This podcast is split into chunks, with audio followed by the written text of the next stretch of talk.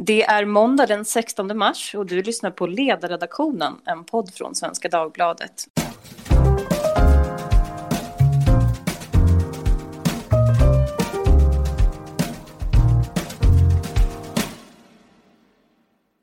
Jag heter Lydia Wåhlsten och idag ska vi prata om vilken strategi Sverige har mot coronaviruset.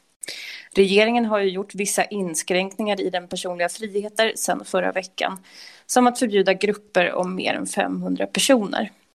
Men kritiker, ja, de menar att Sverige har gjort för lite för att begränsa den här smittspridningen. Medan eh, Folkhälsomyndigheten med statsepidemiologen Anders Tegnell i spetsen, ja, de menar ju att eh, många av de här åtgärderna som våra grannländer har vidtagit, de har mest drivits av politiker som vill visa sig handlingskraftiga. Men vad är Sveriges strategi mot coronaviruset egentligen? Och hur isolerad ska man som privatperson göra sig i det här skedet? Det ska vi prata om idag och eftersom vi har stängt tidningskontoret så kommer dagens samtal att ske helt på länk. Så det är lite av ett test faktiskt. Men jag är väldigt glad att jag har en Ann-Katrin Engvall, doktor i molekylärbiologi med inriktning på immunologi med mig från Spanien. Välkommen! Ja, tack så mycket! Du har ju också erfarenhet av virusforskning och var väldigt aktiv i diskussionen under svininfluensan har jag sett. Ja, det stämmer. Med mig har jag också Sofia Nerbrand som är liberal skribent och som kanske har varit en av de första att verkligen varna för vad coronaviruset kommer göra med Sverige. Välkommen Sofia! Tack så mycket. Och sen har jag då coronatwittraren som jag nu har förkortat dig till, Hanif Bali, som också är moderat riksdagsledamot och som ju gästade podden bara för några dagar sedan. Och eh, läget har väl förändrats lite grann sedan dess. Välkommen! Tack så mycket. Jag tänkte att vi börjar med den presskonferens som precis har varit idag. Och då kunde ju Folkhälsomyndigheten gå ut med att Sverige nu har en konstaterad samhällssmitta. Ann-Katrin, vad betyder det där? Eh, det betyder att eh, det är så att smittan inte längre bara kommer utifrån utan den kan spridas mellan medborgare i vårt samhälle. Varför är det där viktigt då? Jag tror att om man har en eh, smitta som kommer utifrån då kan man ju smittspåra och, och hålla smittan ganska isolerad och det blir ju mycket svårare när den sprids slumpvis ute bland folk i allmänhet. Och då är det lite andra åtgärder som man måste vidta. Så helt enkelt innebär det att man inte kan följa det då? Inte på samma sätt som man, om man vet att en person kommer utifrån och bär på en smitta. Då kan du eh, kartlägga exakt vad de har träffat och var de har varit och så. Det blir ju rätt så svårt om det är många som är smittade och det här går ganska fort. Jag tänker att en liknelse är med djur som kommer in i, i Sveriges fauna och plötsligt är det då en del av Sveriges fauna, fast inte var det från början kanske. Lite så kan man se det faktiskt. Jag tänkte att vi ska börja med en första fråga som är en sån här ja eller nej-fråga. Och den är så här. Har ni förtroende för Sveriges sätt att hantera coronaviruset? Sofia? Mm, ja. Ja, Hanif? Det, det är typ mitt svar med. Ja, vad säger Ann-Katrin? Det är mitt svar också. Jag tyckte man gjorde lite för lite för sent. Eller man började för sent. Man gjorde för lite i början där man skulle ha varit mer aktiv. Och jag tror att man underskattade eh, dels hur lätt det här viruset smittar och på vilket sätt det smittar. Och det tror jag var ett misstag. Sofia, vad är din analys då? Dels att jag vet inte riktigt hur strategin ser ut därför att jag eh, har inte sett någon ordentlig redogörelse hittills. Eh, från varken expertmyndigheter eller regeringen utan man säger att man har en massa saker i verktygslådan. Men eh, att, och, idag har det presenterats ett jättestort ekonomiskt paket och så vidare. Eh, men vad kommer härnäst? Jag har från början, jag har skrivit om det här nu i två månader, sagt att det är extremt viktigt att man både mentalt och praktiskt förbereder sig för eh, någonting som är väldigt stort. Eh, och att man också redovisar hur man tänker och vad man har för handlingsplan framöver så att det inte kommer hela tiden som överraskningar för människor. För det, är det måste bygga på någon slags legitimitet också, att man klarar av att ha ett vuxet samtal med svenska folket om att det är så att människor kommer dö och det är inte bara multisjuka äldre utan det är även personer som är friska medelålders. Alltså risken är fortfarande väldigt låg men i ett sånt liksom, välordnat land som det svenska är vi inte vana vid att friska medelålders människor dör i en infektion. Um, och även liksom pressen på sjukvården kommer bli enorm om vi inte klarar av att få ner smittspridningen. Plus att jag måste erkänna att jag är förvånad över att man inte har kunnat säga förrän idag att det är en allmän smittspridning givet att vi hade dödsfall redan förra veckan och den här sjukdomen ter sig så att från att man blir smittad så tar det uppåt två, tre veckor tills man blir så sjuk att man dör. Ehm, så det är klart att vi har haft allmän smittspridning tidigare än idag. Ehm, annars skulle det inte se ut som, som det gör inom vården och antal döda redan. Mm. mm. Det håller jag med om och jag tror att man underskattar antalet smittade. Till exempel i, i Italien, där kan man ju dödligheten är så pass stor att det, fram, det, är ganska klart för mig i alla fall att smittspridningen måste vara enormt mycket större än vad som uppges i de officiella siffrorna. Och det är ju inte särskilt sannolikt att några skidåkande svenskar i så stor omfattning skulle ha träffat hostande och febriga och svårt sjuka italienare. Utan det är nog snarare så att det är väldigt många som bär på smittan fast den är lindrig. Och de är också smittar till de här och det är det som är liksom lite faran att människor som inte har så mycket symptom kan smitta då andra och på så sätt förs det vidare. Alltså en sak som är intressant, förlåt om jag fyller på, men man har ju tittat nu, gjort, gjort nästan 100 000 test i Sydkorea och det är ändå ett öppet land. Och när man tittar på den data som presenterades i helgen så visar det sig att 30 procent av de som är konstaterat smittade är mellan 20 och 30 år och de har ju ofta väldigt milda symptom eller inga alls. Och det betyder att den gruppen är förmodligen en väldigt starkt pådrivande liksom, smittkälla i samhället. Plus att när man är mellan 20 och 30 då är man odödlig, man är ute och rör sig. Eh, man, man går ut och festar och man sitter i parken och så vidare. Det har vi ehm, sett från Paris om inte annat. Exakt.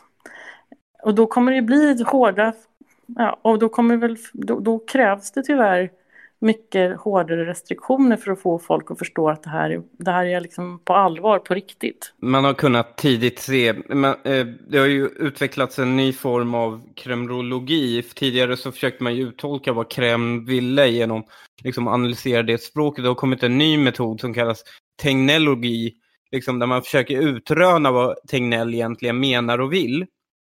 Och, och lite det kunde man ju se tidigt en extrem överskattning av svensk förmåga då man pratade om mässlingsutbrott, nämligen att ah, men det här är ingen fara, vi hanterar upp till mot liksom, 50 mässlingsfall om året och det har vi ju inga problem mot. Och det man glömmer då är ju att vi har ju en liksom, flockimmunitet på mäss mot mässlingen på 80 procent. Liksom. Och när jag började höra dessa faktoider och nerspelningar och överspelningar av förmåga. Samtidigt som människor vittnade om att de visade symptom men fick inte testa sig, hade varit i riskområden men fick inte tillgång eh, till att testa sig. Då, då var det ju väldigt, väldigt tydligt att och även om vi inte hade det så var det uppenbart att vi skulle få samhällsspridning av smittan. Men det Ann-Katrin säger här, betyder det att eh, Sverige antagligen hade smitta innan sportlovet och Italien så att säga? Eh, det behöver inte nödvändigtvis vara så, men, men det kan ha varit så. Men det vi vet från Italien är att eh, där började smittan dra igång då.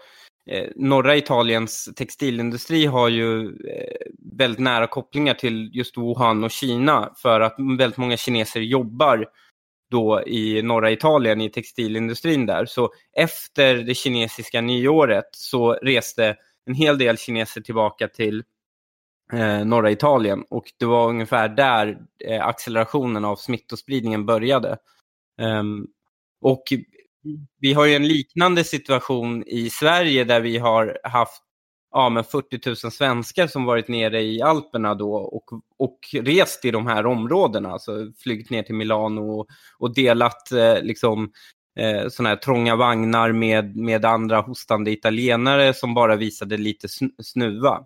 Eh, och, och då får du ju såklart massiv import samtidigt som vi inte haft någon form av eh, i och med att Folkhälsomyndigheten inte gick ut och bad människor att självisolera sig, de här 40 000, bad man ju inte gå och självisolera sig utan man opererade efter metodiken gör det bara om du visar symptom. Och det Mm, och det är det som är felet. Alltså för det, problemet är ju då att om man, eh, man har underskattat att det faktiskt smittar i luften. Och det gjorde man fel där faktiskt. Och, det, och det, den, den, det opererar man efter fortfarande, nämligen att det är en, eh, nu fortsatt säger Folkhälsomyndigheten, det är enbart du bör göra restriktiva åtgärder om det är så att um, om det är så att du visar symptom. Och det är ju fullständig galenskap. Alltså, eh, vi vet från datan, både från den här eh, båten i Japan, men också att 50% av de smittade visar inga symptom alls. Um, från Singapore uh, och, uh, och Kina så visar det sig att 33 procent och 66 procent av de som eh, smittar visar inga symptom. Och att då skjuta då det här avgörandet på om man, är, om man ska smitta eller inte på en enskild individ att känna efter om den är smittsam eller inte. Det alltså det är, det är fullständig galenskap. En sån här, en liten grej där så man måste säga, apropå, vi pratade ju tidigare när du var med i podden Hanif om riksdagen. Och riksdagen har ju fortfarande inte stängt igen och partikanslierna har ju inte heller egentligen aktivt uppmuntrat då till att man ska jobba hemma än så länge. Men nu är det bara 55 personer, eh, riksdagsledamöter, som ska sammanträda, kom i nyheten här alldeles för en stund sedan. Så mm. nu har man begränsat det.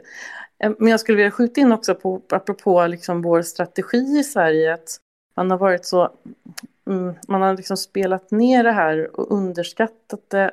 Plus att vår regering har hittills som uttalat sagt att man ska lyssna på expertmyndigheter och jag, liksom, jag är inte immunolog eller epidemiolog eller sådär men jag har följt väldigt många auktoriteter runt om i världen som har skrivit om det här sista månaderna, eller två månaderna ungefär. Och, och då får man ju ändå säga att svensk, alltså, vår statsepidemiolog har haft en avvikande uppfattning eh, i, i det här hotet. Och eftersom vår svenska regering har, har lutat sig så uttalat på eh, Folkhälsomyndigheten så tror jag att när man tittar på det här efterhand att det kommer visa sig att vi har varit lite sena i starten. Men om man ska titta framåt nu och vara lite konstruktiv så måste man ju säga att det vore ju det vore välkommet ifall regeringen och Folkhälsomyndigheten eh, liksom redovisar hur ser man på det här? Hur ser liksom scenarierna ut? Hur många tror man faktiskt kommer behöva sjukvård i Sverige? Eh, under hur lång tid? Hur ska man lösa det och framförallt hur ser handlingsplanen ut så att vi inte får liksom ja, en presskonferens om dagen där det liksom strösslas ut någonting nytt som vi inte som befolkning förstår. Eh, jag vill verkligen understryka hur liksom, viktigt det är för legitimitet.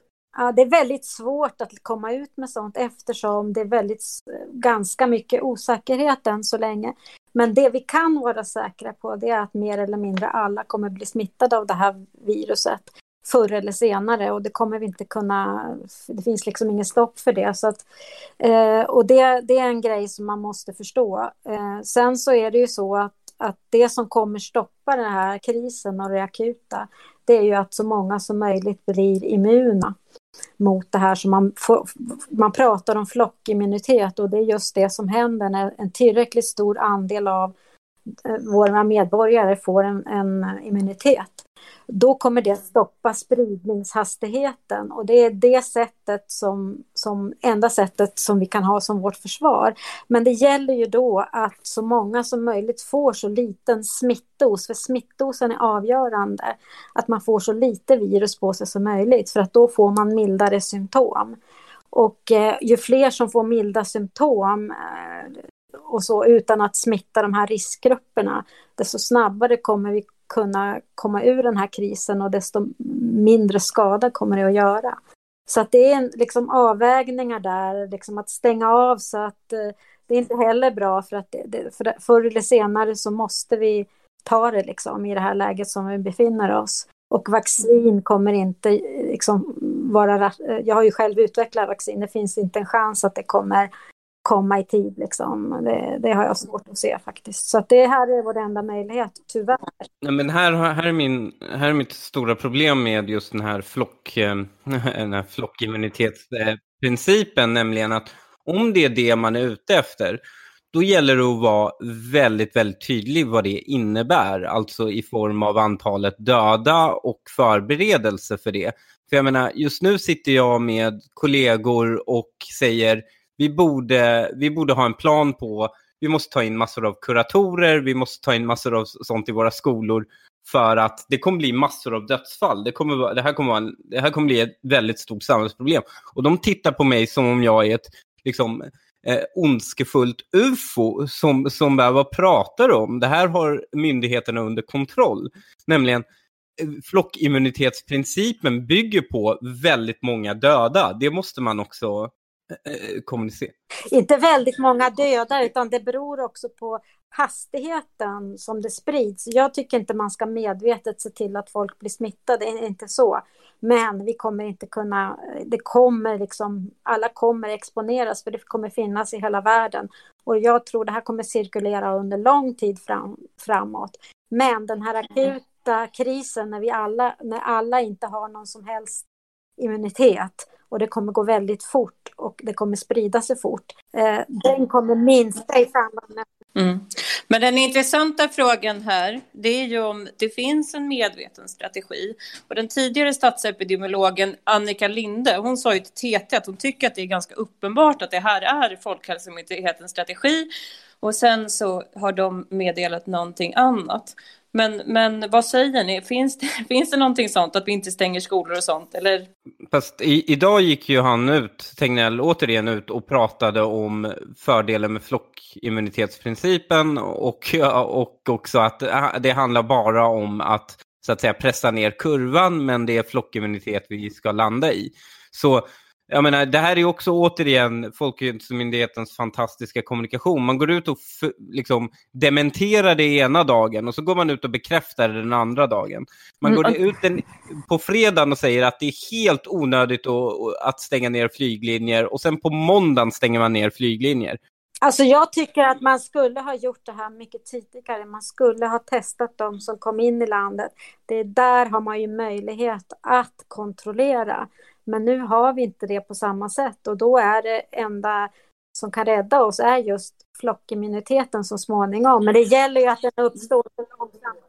Den uppstår så långsamt som möjligt. Mm, så småningom ja. Men Hanif Bali har ju en extremt viktig poäng här. Det är att under tiden vi uppnår eh, någon, alltså den här typen av flockimmunitet eh, så att man liksom bromsar smitt, eh, alltså spridningen så kommer eh, människor, även unga friska människor, att dö. Och, eh, den, alltså, beredskapen för det rent psykologiskt skulle jag vilja hävda är ganska låg i den svenska befolkningen. Eh, och för det finns ju en anledning till att världen stänger ner. Alltså det här får ju enorma ekonomiska kostnader.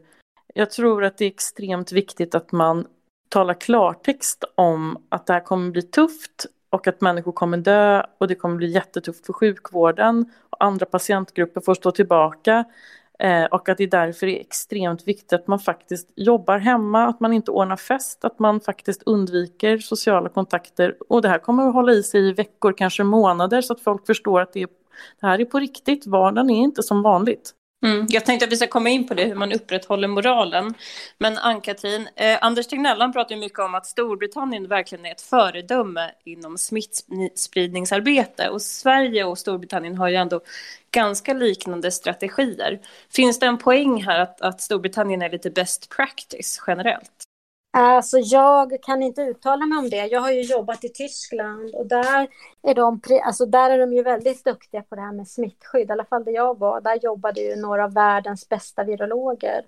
Och där, man måste ju liksom tänka, man kan inte tänka bara nu och här, utan man måste ju tänka i de här sakerna ganska långsiktigt. Men det som är viktigt, som jag har lärt mig i alla fall, det är att man agerar. Isolering och, och sådana där saker, det är viktigt att göra tidigt. Sen, eh, ju mer tiden går, så handlar det mer om det personliga ansvaret, liksom att man måste ta ansvar för att minska sina kontakter, att eh, speciellt gentemot riskgrupper och så. Det är så det ser ut liksom, och det är så det är praktiskt, alltså det är så det har funkat och det är det som fungerar liksom när det gäller smittskyddet. Men en, en annan sån här sak är ju att eh, man pratar om när ska man sätta in olika åtgärder. Nu pratar ni ganska unisont, nu pratar ni ganska unisont om att jo, men det borde man göra så tidigt som möjligt. Men Tegnell återkommer ju till hela tiden att det är först när de här kurvorna börjar take off, alltså när de börjar verkligen luta brant, det är då man ska sätta in åtgärder, för då börjar man få en, som jag tolkar det, en sån volym av smittade att liksom större åtgärder verkligen kan få en statistisk så att säga, volymeffekt. Jag delar inte den uppfattningen, men jag tror att det har med ekonomi att göra. Eh, ja, ja, när det kommer till smittspridning så, så, eh, så, alltså, så tittar man på andra länder hur de har agerat, ta Österrike exempelvis, där man förbjuder folksamlingar över fem. Det är ju, det är ju all form av liksom, rationalitet säger ju, bara för att man inför en sån åtgärd tidigt så betyder inte det att det slutar få effekt på smittskyddet tidigt. Alltså det är samma sak med ställer du in flyglinjer tidigt så ger ju inte det mindre effekt än att göra det sent. Alltså det, det, det är lika stark effekt. Och, ehm, jag tror de pratar om ekonomi eller någon form av psykologi kanske det är, där man anser att folk kanske tröttnar på restriktionerna. Men jag tror man då underskattar då svenska folket och, och hur benägen man är att följa instruktioner. För jag menar sist när när massvaccineringen, till exempel under, under eh, när man körde massvaccineringen under svininfluensan, ja då var vi ju Europas lydigaste folk. Alla ställde sig på raken och, och, och köade till vårdcentralen för att ta den där eh, vaccinet som, som, som, som var en ganska oklok idé i efterhand visade sig. Så jag menar, vi är ju ett väldigt lydigt folk. Att då påstå att vi inte klarar av att ha folksamlingar under 499 personer. Alltså, det är ju helt, det, det, är helt vansinnigt just nu att man tillåter nattklubbar att vara öppet, att man tillåter biografer att vara öppet, att, att eh, liksom, eh, komiker är på liksom, och håller events på 499 personer. Jag hade nyligen ett event här i Solna där de försökte göra så att ha 1500 personer men att man cirkulerade dem med 500 i taget i, i lokalen. Eh, och alla de här sakerna är, det är ju såklart det är helt vanvettigt att, att tillåta det. Eh, och, på, och, och, att påstå att svenska folket till slut tröttnar eh, om man då tillåter, bara tillåter mycket mindre folksamlingar. Eh, det går inte ihop. Men samtidigt ska vi vara väldigt stolta. Alltså, om jag tittar på mitt lokala centrum här, alltså Mall of Scandinavia, så det är ju helt dött och tomt. Eh, alltså folk följer ju, eh, folk verkar ta det mycket säkra för osäkra, långt högre utsträckning än vad eh, Folkhälsomyndigheten har gett direktiv om.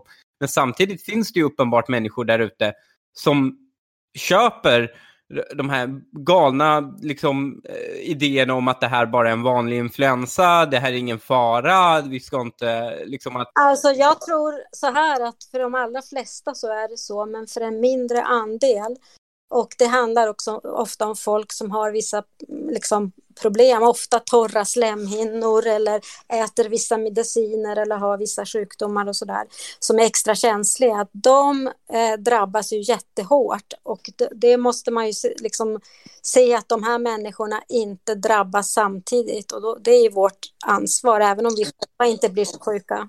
Och jag tror, jag tror det blir praktiskt väldigt, väldigt svårt att uppnå det. För att det bygger på att alla agerar perfekt och ett system som bygger på att alla agerar perfekt är ett felaktigt system för människor är inte perfekta. Därutöver så har du ju problemet med om, om du, även om, ja det är främst människor, de är i högre riskgrupper av den data som finns och ja det är äldre folk med underliggande sjukdomar och, och problem. Men Tittar vi just nu i Frankrike, 50% av dem i intensivvården just nu är under 50 år. I Italien ger man inte ens vård till äldre längre för att man har krigstriage liksom och de som är i intensivvården är unga. Eh, jag menar, för till slut blir summan så himla stor att även om sannolikheten är låg så är ju vården överbelastad. Men restriktioner är inte svar på frågan därför att restriktioner i till exempel Italien satte fart på smittspridningen. Fast det där stämmer ju inte. Tittar man på, tittar man på de som började, på, jämförelsen mellan två olika städer som, som har gjorts i Italien där man tittade på när man införde insatserna. De som började med insatserna med social, eh, social eh, eh separation tidigt. Eh, de har långt lägre nu kurva, en långt plattare kurva än, än, än de som gjorde det sent. Det som hände var ju i Italien att när man stängde ner skolor och eh, arbetsplatser i, de här, i norra Italien, då blev det så att de här barnen, de var smittbärare. Så att de smittade ner väldigt många av sina far och morföräldrar. Och föräldrarna, de träffade sina vänner och hade umgänge på barer och så vidare. Så smittan spreds mycket mer än om de hade varit kvar i skolan och på jobben och så vidare. Så att det blev mera interaktioner på grund av att de här restriktionerna. Och det har man skrivit rätt så mycket om här i Spanien. Och jag lever ju här nu med restriktioner och jag ser ju, vi får ju inte gå utanför dörren, man får inte promenera, man får inte, det, man, man får gå ut med hunden, man får gå till matvaruaffären och man får gå till till apoteket, det är det enda. Och sen så får folk inte röra sig om de inte jobbar eller så vidare. Och det leder till att alla då går till matvaruaffären, till apoteket. Där är fullt med människor, det är rena smitthärdarna. Så jag vet inte om jag tycker att eh, det, man ska ha lagom restriktioner, liksom, för annars så kan det också bli fel, alltså, tycker jag. Du menar enkelt att man kanaliserar flödet till vissa funktioner som alltid måste vara öppna? Ja, precis. Och då blir folk uttråkade och så passar de på att gå ut då till det här stället för att de har ingenting, de orkar inte sitta inne liksom, så blir det. Och barnen eh, blir frustrerade och så vidare. Så det är bäst att ha en lagom, att alltså man förstår att man ska hålla avstånd och så är det man ska hålla de här restriktionerna på en vettig nivå. Men man kanske kan vända på det och säga så här då, för att komma till ett konsensus, att i början, det är positiv och negativ liksom, uppmuntran. För att i början så var det ju ganska liksom, aktiv uppmuntran. Jo, men du ska gå till jobbet, du ska gå till skolan, även om du kommer från riskområden, trots att människor själva kände en oro internt. Och då tycker jag att då har ju myndigheten gått från, vad ska man säga, eh, ja, det blir en, en aktiv uppmuntran i någon form. Jag håller med, jag håller helt med dig där. Jag tänkte fråga dig Sofia, för en sak som jag stör mig på det är att vi hela tiden får se den här kurvan och så säger man nu ska vi platta ut kurvan. Men vi får liksom aldrig X-faktorn, nämligen vad är sjukvårdens kapacitet? Och andra länder, typ Norge, har ju gett prognoser att jo, men vi räknar med så här många miljoner smittade, vi räknar med att det kommer krävas ungefär det här av sjukvården. Varför kan vi inte få se samma sak i Sverige? Ja, den frågan är ju viktig att ställa om och om igen. Den har ju ställts. Problemet är ju att det, det är möjligt att det finns nu en sammanställning av Socialstyrelsen, eh, men de redovisar inte den typen av, av siffror ens för scenarier. Eh, och det tror jag är dåligt, för då sitter folk och räknar själva och man vet inte om man liksom försöker hitta information. Eh, men det är ju helt uppenbart så eh, att man har svårt att Italien eh, och på andra ställen klara av ett så högt liksom, tryck för att det kommer så många samtidigt som är sjuka och det tränger undan liksom, personer med andra sjukdomar också. Och man, alltså, vad, vad, vad, vet vi om material, vad är det som behövs? Någonstans så tycker jag också det fina i det hela, det verkar ändå finnas ett ett väldigt engagemang från företag och enskilda att försöka hjälpa till med eh, att hjälpa grannar med att gå och handla eller liksom köpa liksom handsprit till vården eller vad som helst. Eh, men det viktiga i allt detta det är, det är två saker. Det ena är att man ska göra allt man kan så fort som möjligt. För det är liksom varje timme som vi inte gör någonting kommer fler bli smittade. Och det andra är att folk måste förstå att det här är på allvar. Och det är sant att folk kanske då hänger kvar lite extra länge i matbutiken eller apoteket för att vi är sociala varelser. Vi behöver, men det är ju själsdödande att gå ensam hemma. Men, men det kommer vara så under en tid. För samtidigt så verkar det ju som att Socialstyrelsen förbereder sig på ett ganska etiskt eh, allvarligt scenario där man nu ska ta fram riktlinjer för läkare och hur man ska göra det här triaget då i vården när det kommer bli det är det jag utgår ifrån i alla fall, att man utgår ifrån att det kommer inte räcka. Sjukvårdsplatserna kommer inte räcka. Det kommer behöva fattas en massa tuffa beslut. Och därför behöver det finnas något underlag. Och nu sa ju de att det kommer komma ett sådant underlag här i veckan. Och då blir det som att man får, liksom, man får facit innan man har fått uppgiften på något sätt. Men det är ju så här, alltså, jag får erkänna, jag har läst preklin på läkarlinjen, vilket har varit en fördel när jag började läsa om det här i januari. Eh, för att förstå liksom själva patogenen och jag har väldigt många vänner som jobbar som läkare som jag har pratat med och de har ju bekräftat för mig att det finns inte den kapaciteten vi behöver, det finns inte de förberedelserna som krävs. Och, fram, och då har jag ju ställt frågan också, vad händer ifall det blir för många? Jo, då får man välja de, den patient man har framför sig som man tror att man har störst chans att överleva. Det är ytterst där man hamnar. Eh, och då är ju ålder till exempel en sån sak som, som gör att man kanske då inte ens kommer i fråga till att få hjälp med att andas. Eh, och det, det, är ju, det är ju någonting vi absolut inte är vana vid i vårt samhälle, att det ser ut så. Eh, men vi har ju inte riktigt det är ju liksom först nu liksom medan vi börjar ställa de här frågorna. Eh, det tror jag är problematiskt därför att det krävs också en viss mental förberedelse.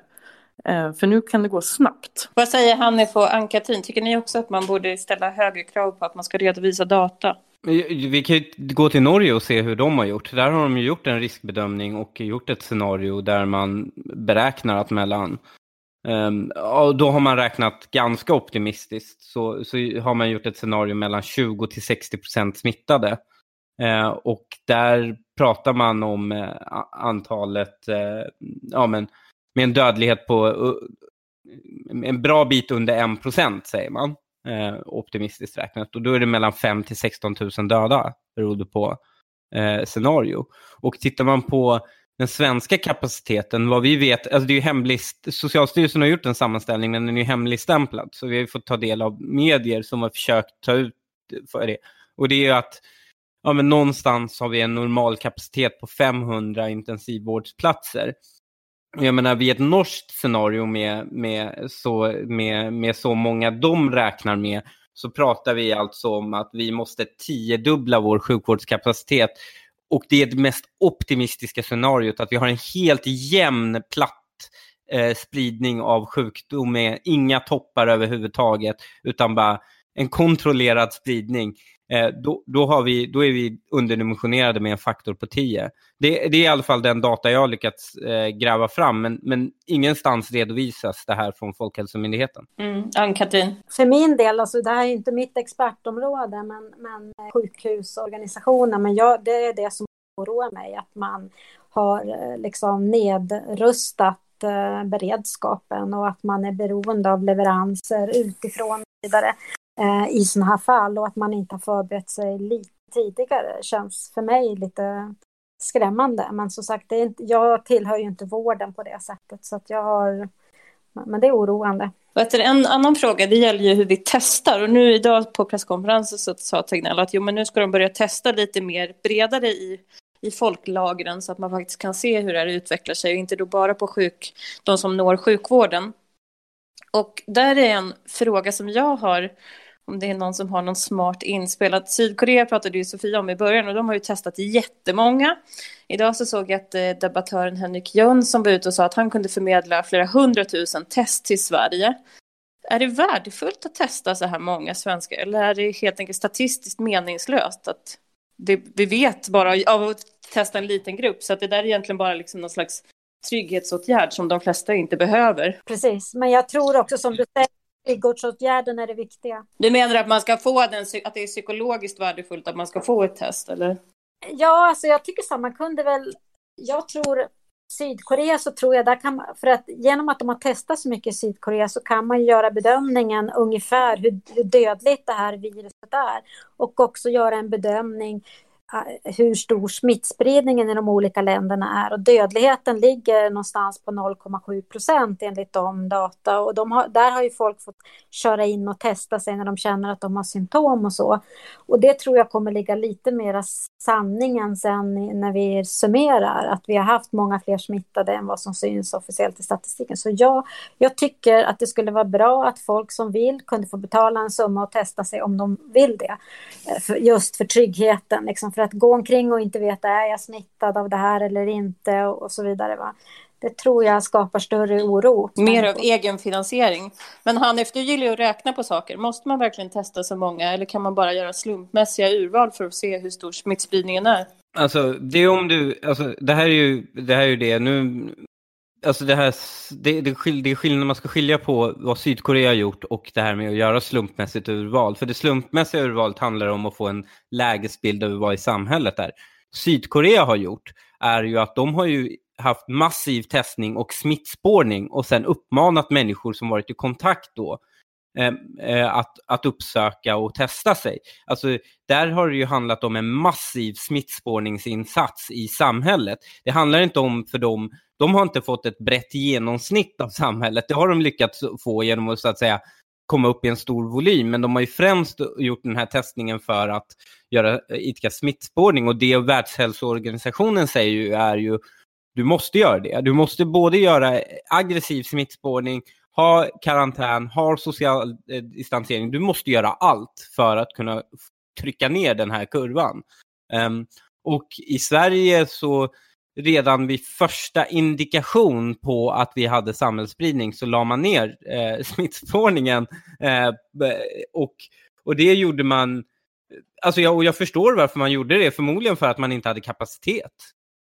Medan det Sydkorea visade är att så fort de fick indikation från Kina att det här var på gång så började man bygga upp en massiv smittspårnings eh, och, och eh, testningskapacitet. Och som vi verkar ha varit mycket långsammare på att göra. Ja, jag ska berätta en sak om testerna som kan vara ganska intressant för er att veta. Det är att de testerna som man utför i Sverige, de är ju mycket noggrannare och så, men mer komplicerade att utföra. Och de testerna i Sydkorea är ju enklare och det lämpar sig mer för att testa väldigt många. Men där kan man ibland få lite falska svar och så. Så där, jag tror att eh, de här olika typerna av tester har olika fokus lite grann. Men man, jag tycker att de där snabba testerna är bra för då får du ändå en slags indikation på att den där kanske är smittad och då kan man kanske göra om en sån här mer avancerad test då, om det känns nödvändigt liksom och så. Intressant. En annan sak, det här med vaccin. Du sa att du inte tror att det kommer bli något, men jag tänker att många runt om i Sverige sitter och hoppas på att ja, ja, men snart kommer ett vaccin, för det såg vi under svininfluensan. Hur lång tid tror du att det kommer ta? Alltså jag vet inte, det är för det första så att för att ett vaccin ska fungera överhuvudtaget Eh, Eh, så måste man ju vaccinera minst fyra veckor innan, innan man blir smittad för att det ska ha full effekt. Och eh, sen så måste man ju designa det här så alltså själva, och sen måste du få upp tillräckligt mycket eh, så säga, virusbeståndsdelar och så innan du kan sätta ihop det här vaccinet. Så det, jag tror kanske hösten någon gång skulle jag gissa. Ja, men det är ganska snabbt på ändå. Vi måste gå in på lite psykologi också innan vi avslutar. Uh, har vi precis gått in i det här. Kurvorna pekar uppåt, sex dödsfall än så länge. Den här perioden kan ju pågå väldigt länge. Vad kan man ha för socialt umgänge uh, utan att känna sig omoralisk? Ja, det, framförallt är det väl att liksom umgås som vi gör nu, höll jag på att säga. Prata telefon, videochatt, att man umgås med sin familj, eh, men en mindre grupp. Eh, och att vara mentalt inställd på att det här kommer inte gå över på två veckor utan det här kommer, liksom, vi kan dra ut månader med restriktioner. Eh, men det är klart att det är en jätteutmaning att hantera ensamhet och lite så här existentiell ångest. Men jag, jag är gamer så vi har ju förberett för oss för det här hela livet. Nämligen. Vi har ju suttit hemma och spelat dataspel och umgåtts via nätet. Så det är liksom, eh, jag tror särskilt för den yngre generationen, jag tror människor eh, överskattar lite hur, hur mycket spring i benen barnen har nu för tiden. Nämligen, man, kan, man kan sysselsätta sig ganska länge med skärmtid. Så att säga, och, eh, och det, ehm, jag tror det finns en ganska stor förmåga i alla fall för en yngre generation att, att hålla sig inne eh, länge. Mm, det finns ju en paradox här också. Jag hade ett antal vänner som var på olika museum i Stockholm i helgen och det var ju helt öde. Så är det moraliskt då att dra nytta av läget att alla är borta från liksom etablerade eh, ja, restauranger och barer så kan man sitta där själv? Gud vad svårt. Ja men det är bara ytterst, det är bara ytterst få som kan göra det. För tänker alla sådär så blir det ju folksamling på krogen Precis, igen. men nu tänker ju ingen så menar jag. Och därför borde det vara ganska säkert då att gå ut på restaurang till exempel. Jag har tänkt samma tanke när det kommer till eh, att, att köra bil. Liksom. Nu kan man äntligen njuta av bilen och, och köra utan trafik och, och, så vidare. Men som sagt, eh, gör alla det så, så eh, brakar ju systemet ihop så att säga. Så det är bättre att avhålla sig solidariskt. Ja, jag tycker att man ska tänka så här att, att eh, omoraliskt skulle jag inte vilja använda som begrepp i det här, utan att det viktiga är att man, att man är rationell och gör rationella åtgärder, alltså det som är rimligt och att man framför allt, det som är allra viktigast, det är att man skyddar liksom äldre som har sämre förutsättningar att klara det här eh, om de väl blir sjuka. För att de har mycket sämre fysiskt så att de orkar inte med en infektion av de här svårare typen. Eh, det är de, jag tror det är där man ska vara väldigt noga. Mm. Apropå äldre så är ju du i Spanien nu. Och Spanien har ju väldigt många glada solpensionärer. Jag känner ett par. Och nu är de såklart väldigt sugna på att åka tillbaka till Sverige. Och då är frågan, är det bättre att vara isolerad i Spanien än att göra den riskfyllda resan till Sverige med något, något av de få Norwegian-plan som fortfarande går och sitta i en sån då potentiell liksom, smittomiljö med flera hundra människor? Alltså vi har valt att stanna kvar här därför att eh, jag eh, tror att smittrisken just på flygplatser, kanske mindre nu då, men normalt sett är ju flygplatser en av de värsta ställena att befinna sig på när man utsätts för, ska utsätta sig för, eller vill skydda sig för smitta. För där florerar ju många populationer, Eh, många olika människor från olika håll och så vidare. Så det är bästa stället att sprida, sprida smitta. Men eh, ja, jag tycker det är svårt att, att råda folk, men, men eh, flygplatser och, och flygplan är riskställen ehm, när man vill undvika smitta. Men en sak vill jag skicka med också. Det är fantastiskt på ett sätt att man lyssnar så mycket på myndigheter och beslutsfattare i vårt land, att vi fortfarande har hög tillit. Samtidigt så vill jag eh, understryka, man har ju faktiskt ett individuellt ansvar också att i varje stund fatta egna beslut om vad man själv tycker är rimligt och ta eget ansvar. Men just det, ett sånt här, inför ett sånt här osynligt hot kan det ju vara svårt att ta i det här scenariot att du är utomlands, du vill hem för att du fortfarande litar mer på svensk vård än på den europeiska vårdgarantin. Men det, det innebär då en risk. Den, den riskavvägningen, där behöver man ju faktiskt någon expert som kan prata om sannolikheter. Mm, absolut, men nu svär jag väl i kyrkan, men om jag själv hade varit riskgrupp eh, så hade jag nog känt visst obehag att ha barnen i skolan samtidigt som man då säger att man helst ska jobba hemma medan man ska skicka iväg sina barn, som, där man också vet att det är mycket spritt, smittspridning. Eh, där, där, alltså jag kan inte säga att någon som vet att man till exempel har diabetes Eh, att de håller sina barn hemma. Jag tycker inte att de är omoraliska i det här läget, trots att vi har skolplikt, för att vi har ett exceptionellt läge. Mm. Och det leder mig till dagens sista fråga. Vi pratar ju om vad regeringen och myndigheterna har haft för strategi. Och eh, då är min fråga, ni verkade ganska nöjda med den eh, omsvängning mot en mer striktare linje som ändå har påbörjats. Men vad skulle ni önska er nu, Hanif? Eh, jag skulle önska att man var väldigt mycket mer tydlig med vad som förväntas av människor, alltså vilka sociala, alltså just det här med social distansering. Eh, budskapet kan inte fortsatt vara, det är endast om du visar symptom som du ska börja socialt distansera dig, utan budskapet vara, må, måste vara att är du frisk måste du socialt distansera dig för att inte bli smittad. Eh, och därutöver så kan liksom, vi kan inte ge bara råd på att människor ska tvätta händerna, utan människor måste tvätta händerna och socialt distansera sig. Det måste bli mycket, mycket mer tydligare från ehm, eh, regeringshåll. Vi borde fundera på, i alla fall det här också, vi borde ha beredskap för att behöva stänga ner skolor kanske. Um, och här är ju det stora problemet, nämligen det har inte gått ut några som helst förhållningsorder till kommunerna att förbereda nödpassning av, eh, av samhällskritisk personal. Nämligen börjar skolor stängas ner, då, då, då, då uppkommer ju problemet, och då måste man börja organisera nödpassning för människor som jobbar inom vården eller inom samhällskritiska institutioner och det finns ingen sådan beredskap där ute. Um, och när enskilda kommunpolitiker då vill ta initiativ för de här sakerna så tycker folk att eh, nej men varför litar du inte på våra myndigheter? Vi skulle ju få direktiv om det skulle behövas. Eh, det är ett jättestort problem just nu, nämligen att den höga tilliten till myndigheterna just nu kväver egna initiativ till att vara lite, lite mer förberedd. Mm. Där kan man väl säga en annan iakttagelse apropå dagens presskonferens handlar ju också om den här maktdelningen då som vi har i Sverige mellan region och stat i ett sånt här läge med sjukvården. Och, och där pratar du också om någon slags dubbelkommando, att man väntar på myndigheter och man väntar på regeringen, fast man har samtidigt ansvar som kommun att faktiskt säkerställa det här om ett sådant beslut ändå kommer.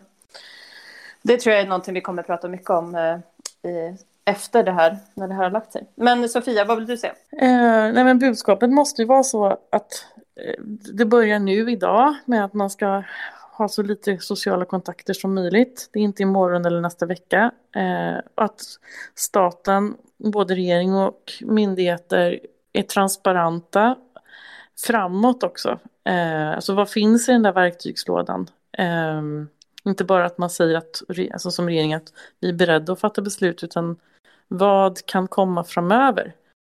Eh, och vara transparent och tydlig kring det. Jag tror det är jätteviktigt. Eh, för, för det kommer bli tufft framöver oavsett. Eh, och det måste vi våga prata om.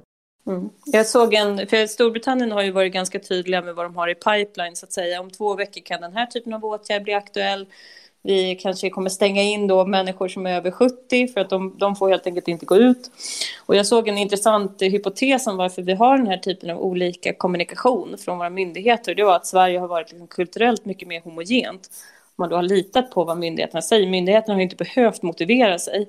Medan man då i till exempel Storbritannien har, har haft en annan kultur. Och då var det någon som hade tittat på hur man har kommunicerat i krigssituationer och jämfört eh, Sverige med Storbritannien. Tyckte det var en så intressant Eh, teori i alla fall. Ann-Katrin, nu får du avsluta vad du vill se för någonting. Jag, eh, min önskan det är att folk tänker på andra också när man eh, håll, distanserar sig. Att även om jag är frisk och så, så ska jag hålla distans till de som är sårbara, nämligen äldre personer så gott det går. Förutom det som ni har sagt. Då, då. Och sen så skulle jag vilja att fråga om man inte skulle kunna tänka sig att i en krissituation måste man eh, hålla på med alla de här formaliteterna med upphandling hit och dit. Jag vet inte, jag kan inte regelverken kring de här sakerna, men kan man göra saker snabbare? Kan man ha en slags krisadministration som kan liksom snabbt se till att eh, sjukvården får de här resurserna som de behöver i form av utrustning och annat? Jag vet inte om det skulle underlätta, ingen aning. Men eh, jag skulle vilja att man... Vad skulle du önska som immunolog då av Anders Tegnell? Eh, jag, jag har hela tiden önskat att vi ska ha mera information till allmänheten. Eh, därför har jag engagerat mig, för jag tycker informationen var väldigt eh, dålig. Och jag tror det är det som har gjort folk så himla oroliga, för att man får inte djupgående information, man får bara gå och tvätta händerna. Liksom veta, folk vill veta varför och hur det funkar och för att de vill kunna förbereda sig precis som vi har pratat om här. Och jag tror det är det som skapar den här oron eh, hos människor. Så att jag skulle vilja mer tydlig, mera detaljerad. Ja, vi har ju ett av världens mest utbildade folk också, så det är klart att det krävs en viss typ av information. När det är så många högskoleutbildade så räcker det inte med den här tvätta händerna-infon. Men hörni, med det så måste vi avsluta för idag. Jag säger stort tack till Ann-Katrin Engvall, doktor i molekylärbiologi med inriktning på immunologi, som ni kan följa på Facebook där hon uppdaterar om sin analys. Sofia Nerbrand, liberal skribent, som var en av de första som skrev om coronaviruset i Sverige. Och Hanif Bali, coronatwittrare och moderat riksdagsledamot. Har du frågor, hör gärna av dig som vanligt på ledarsidan svd.se. Hej då!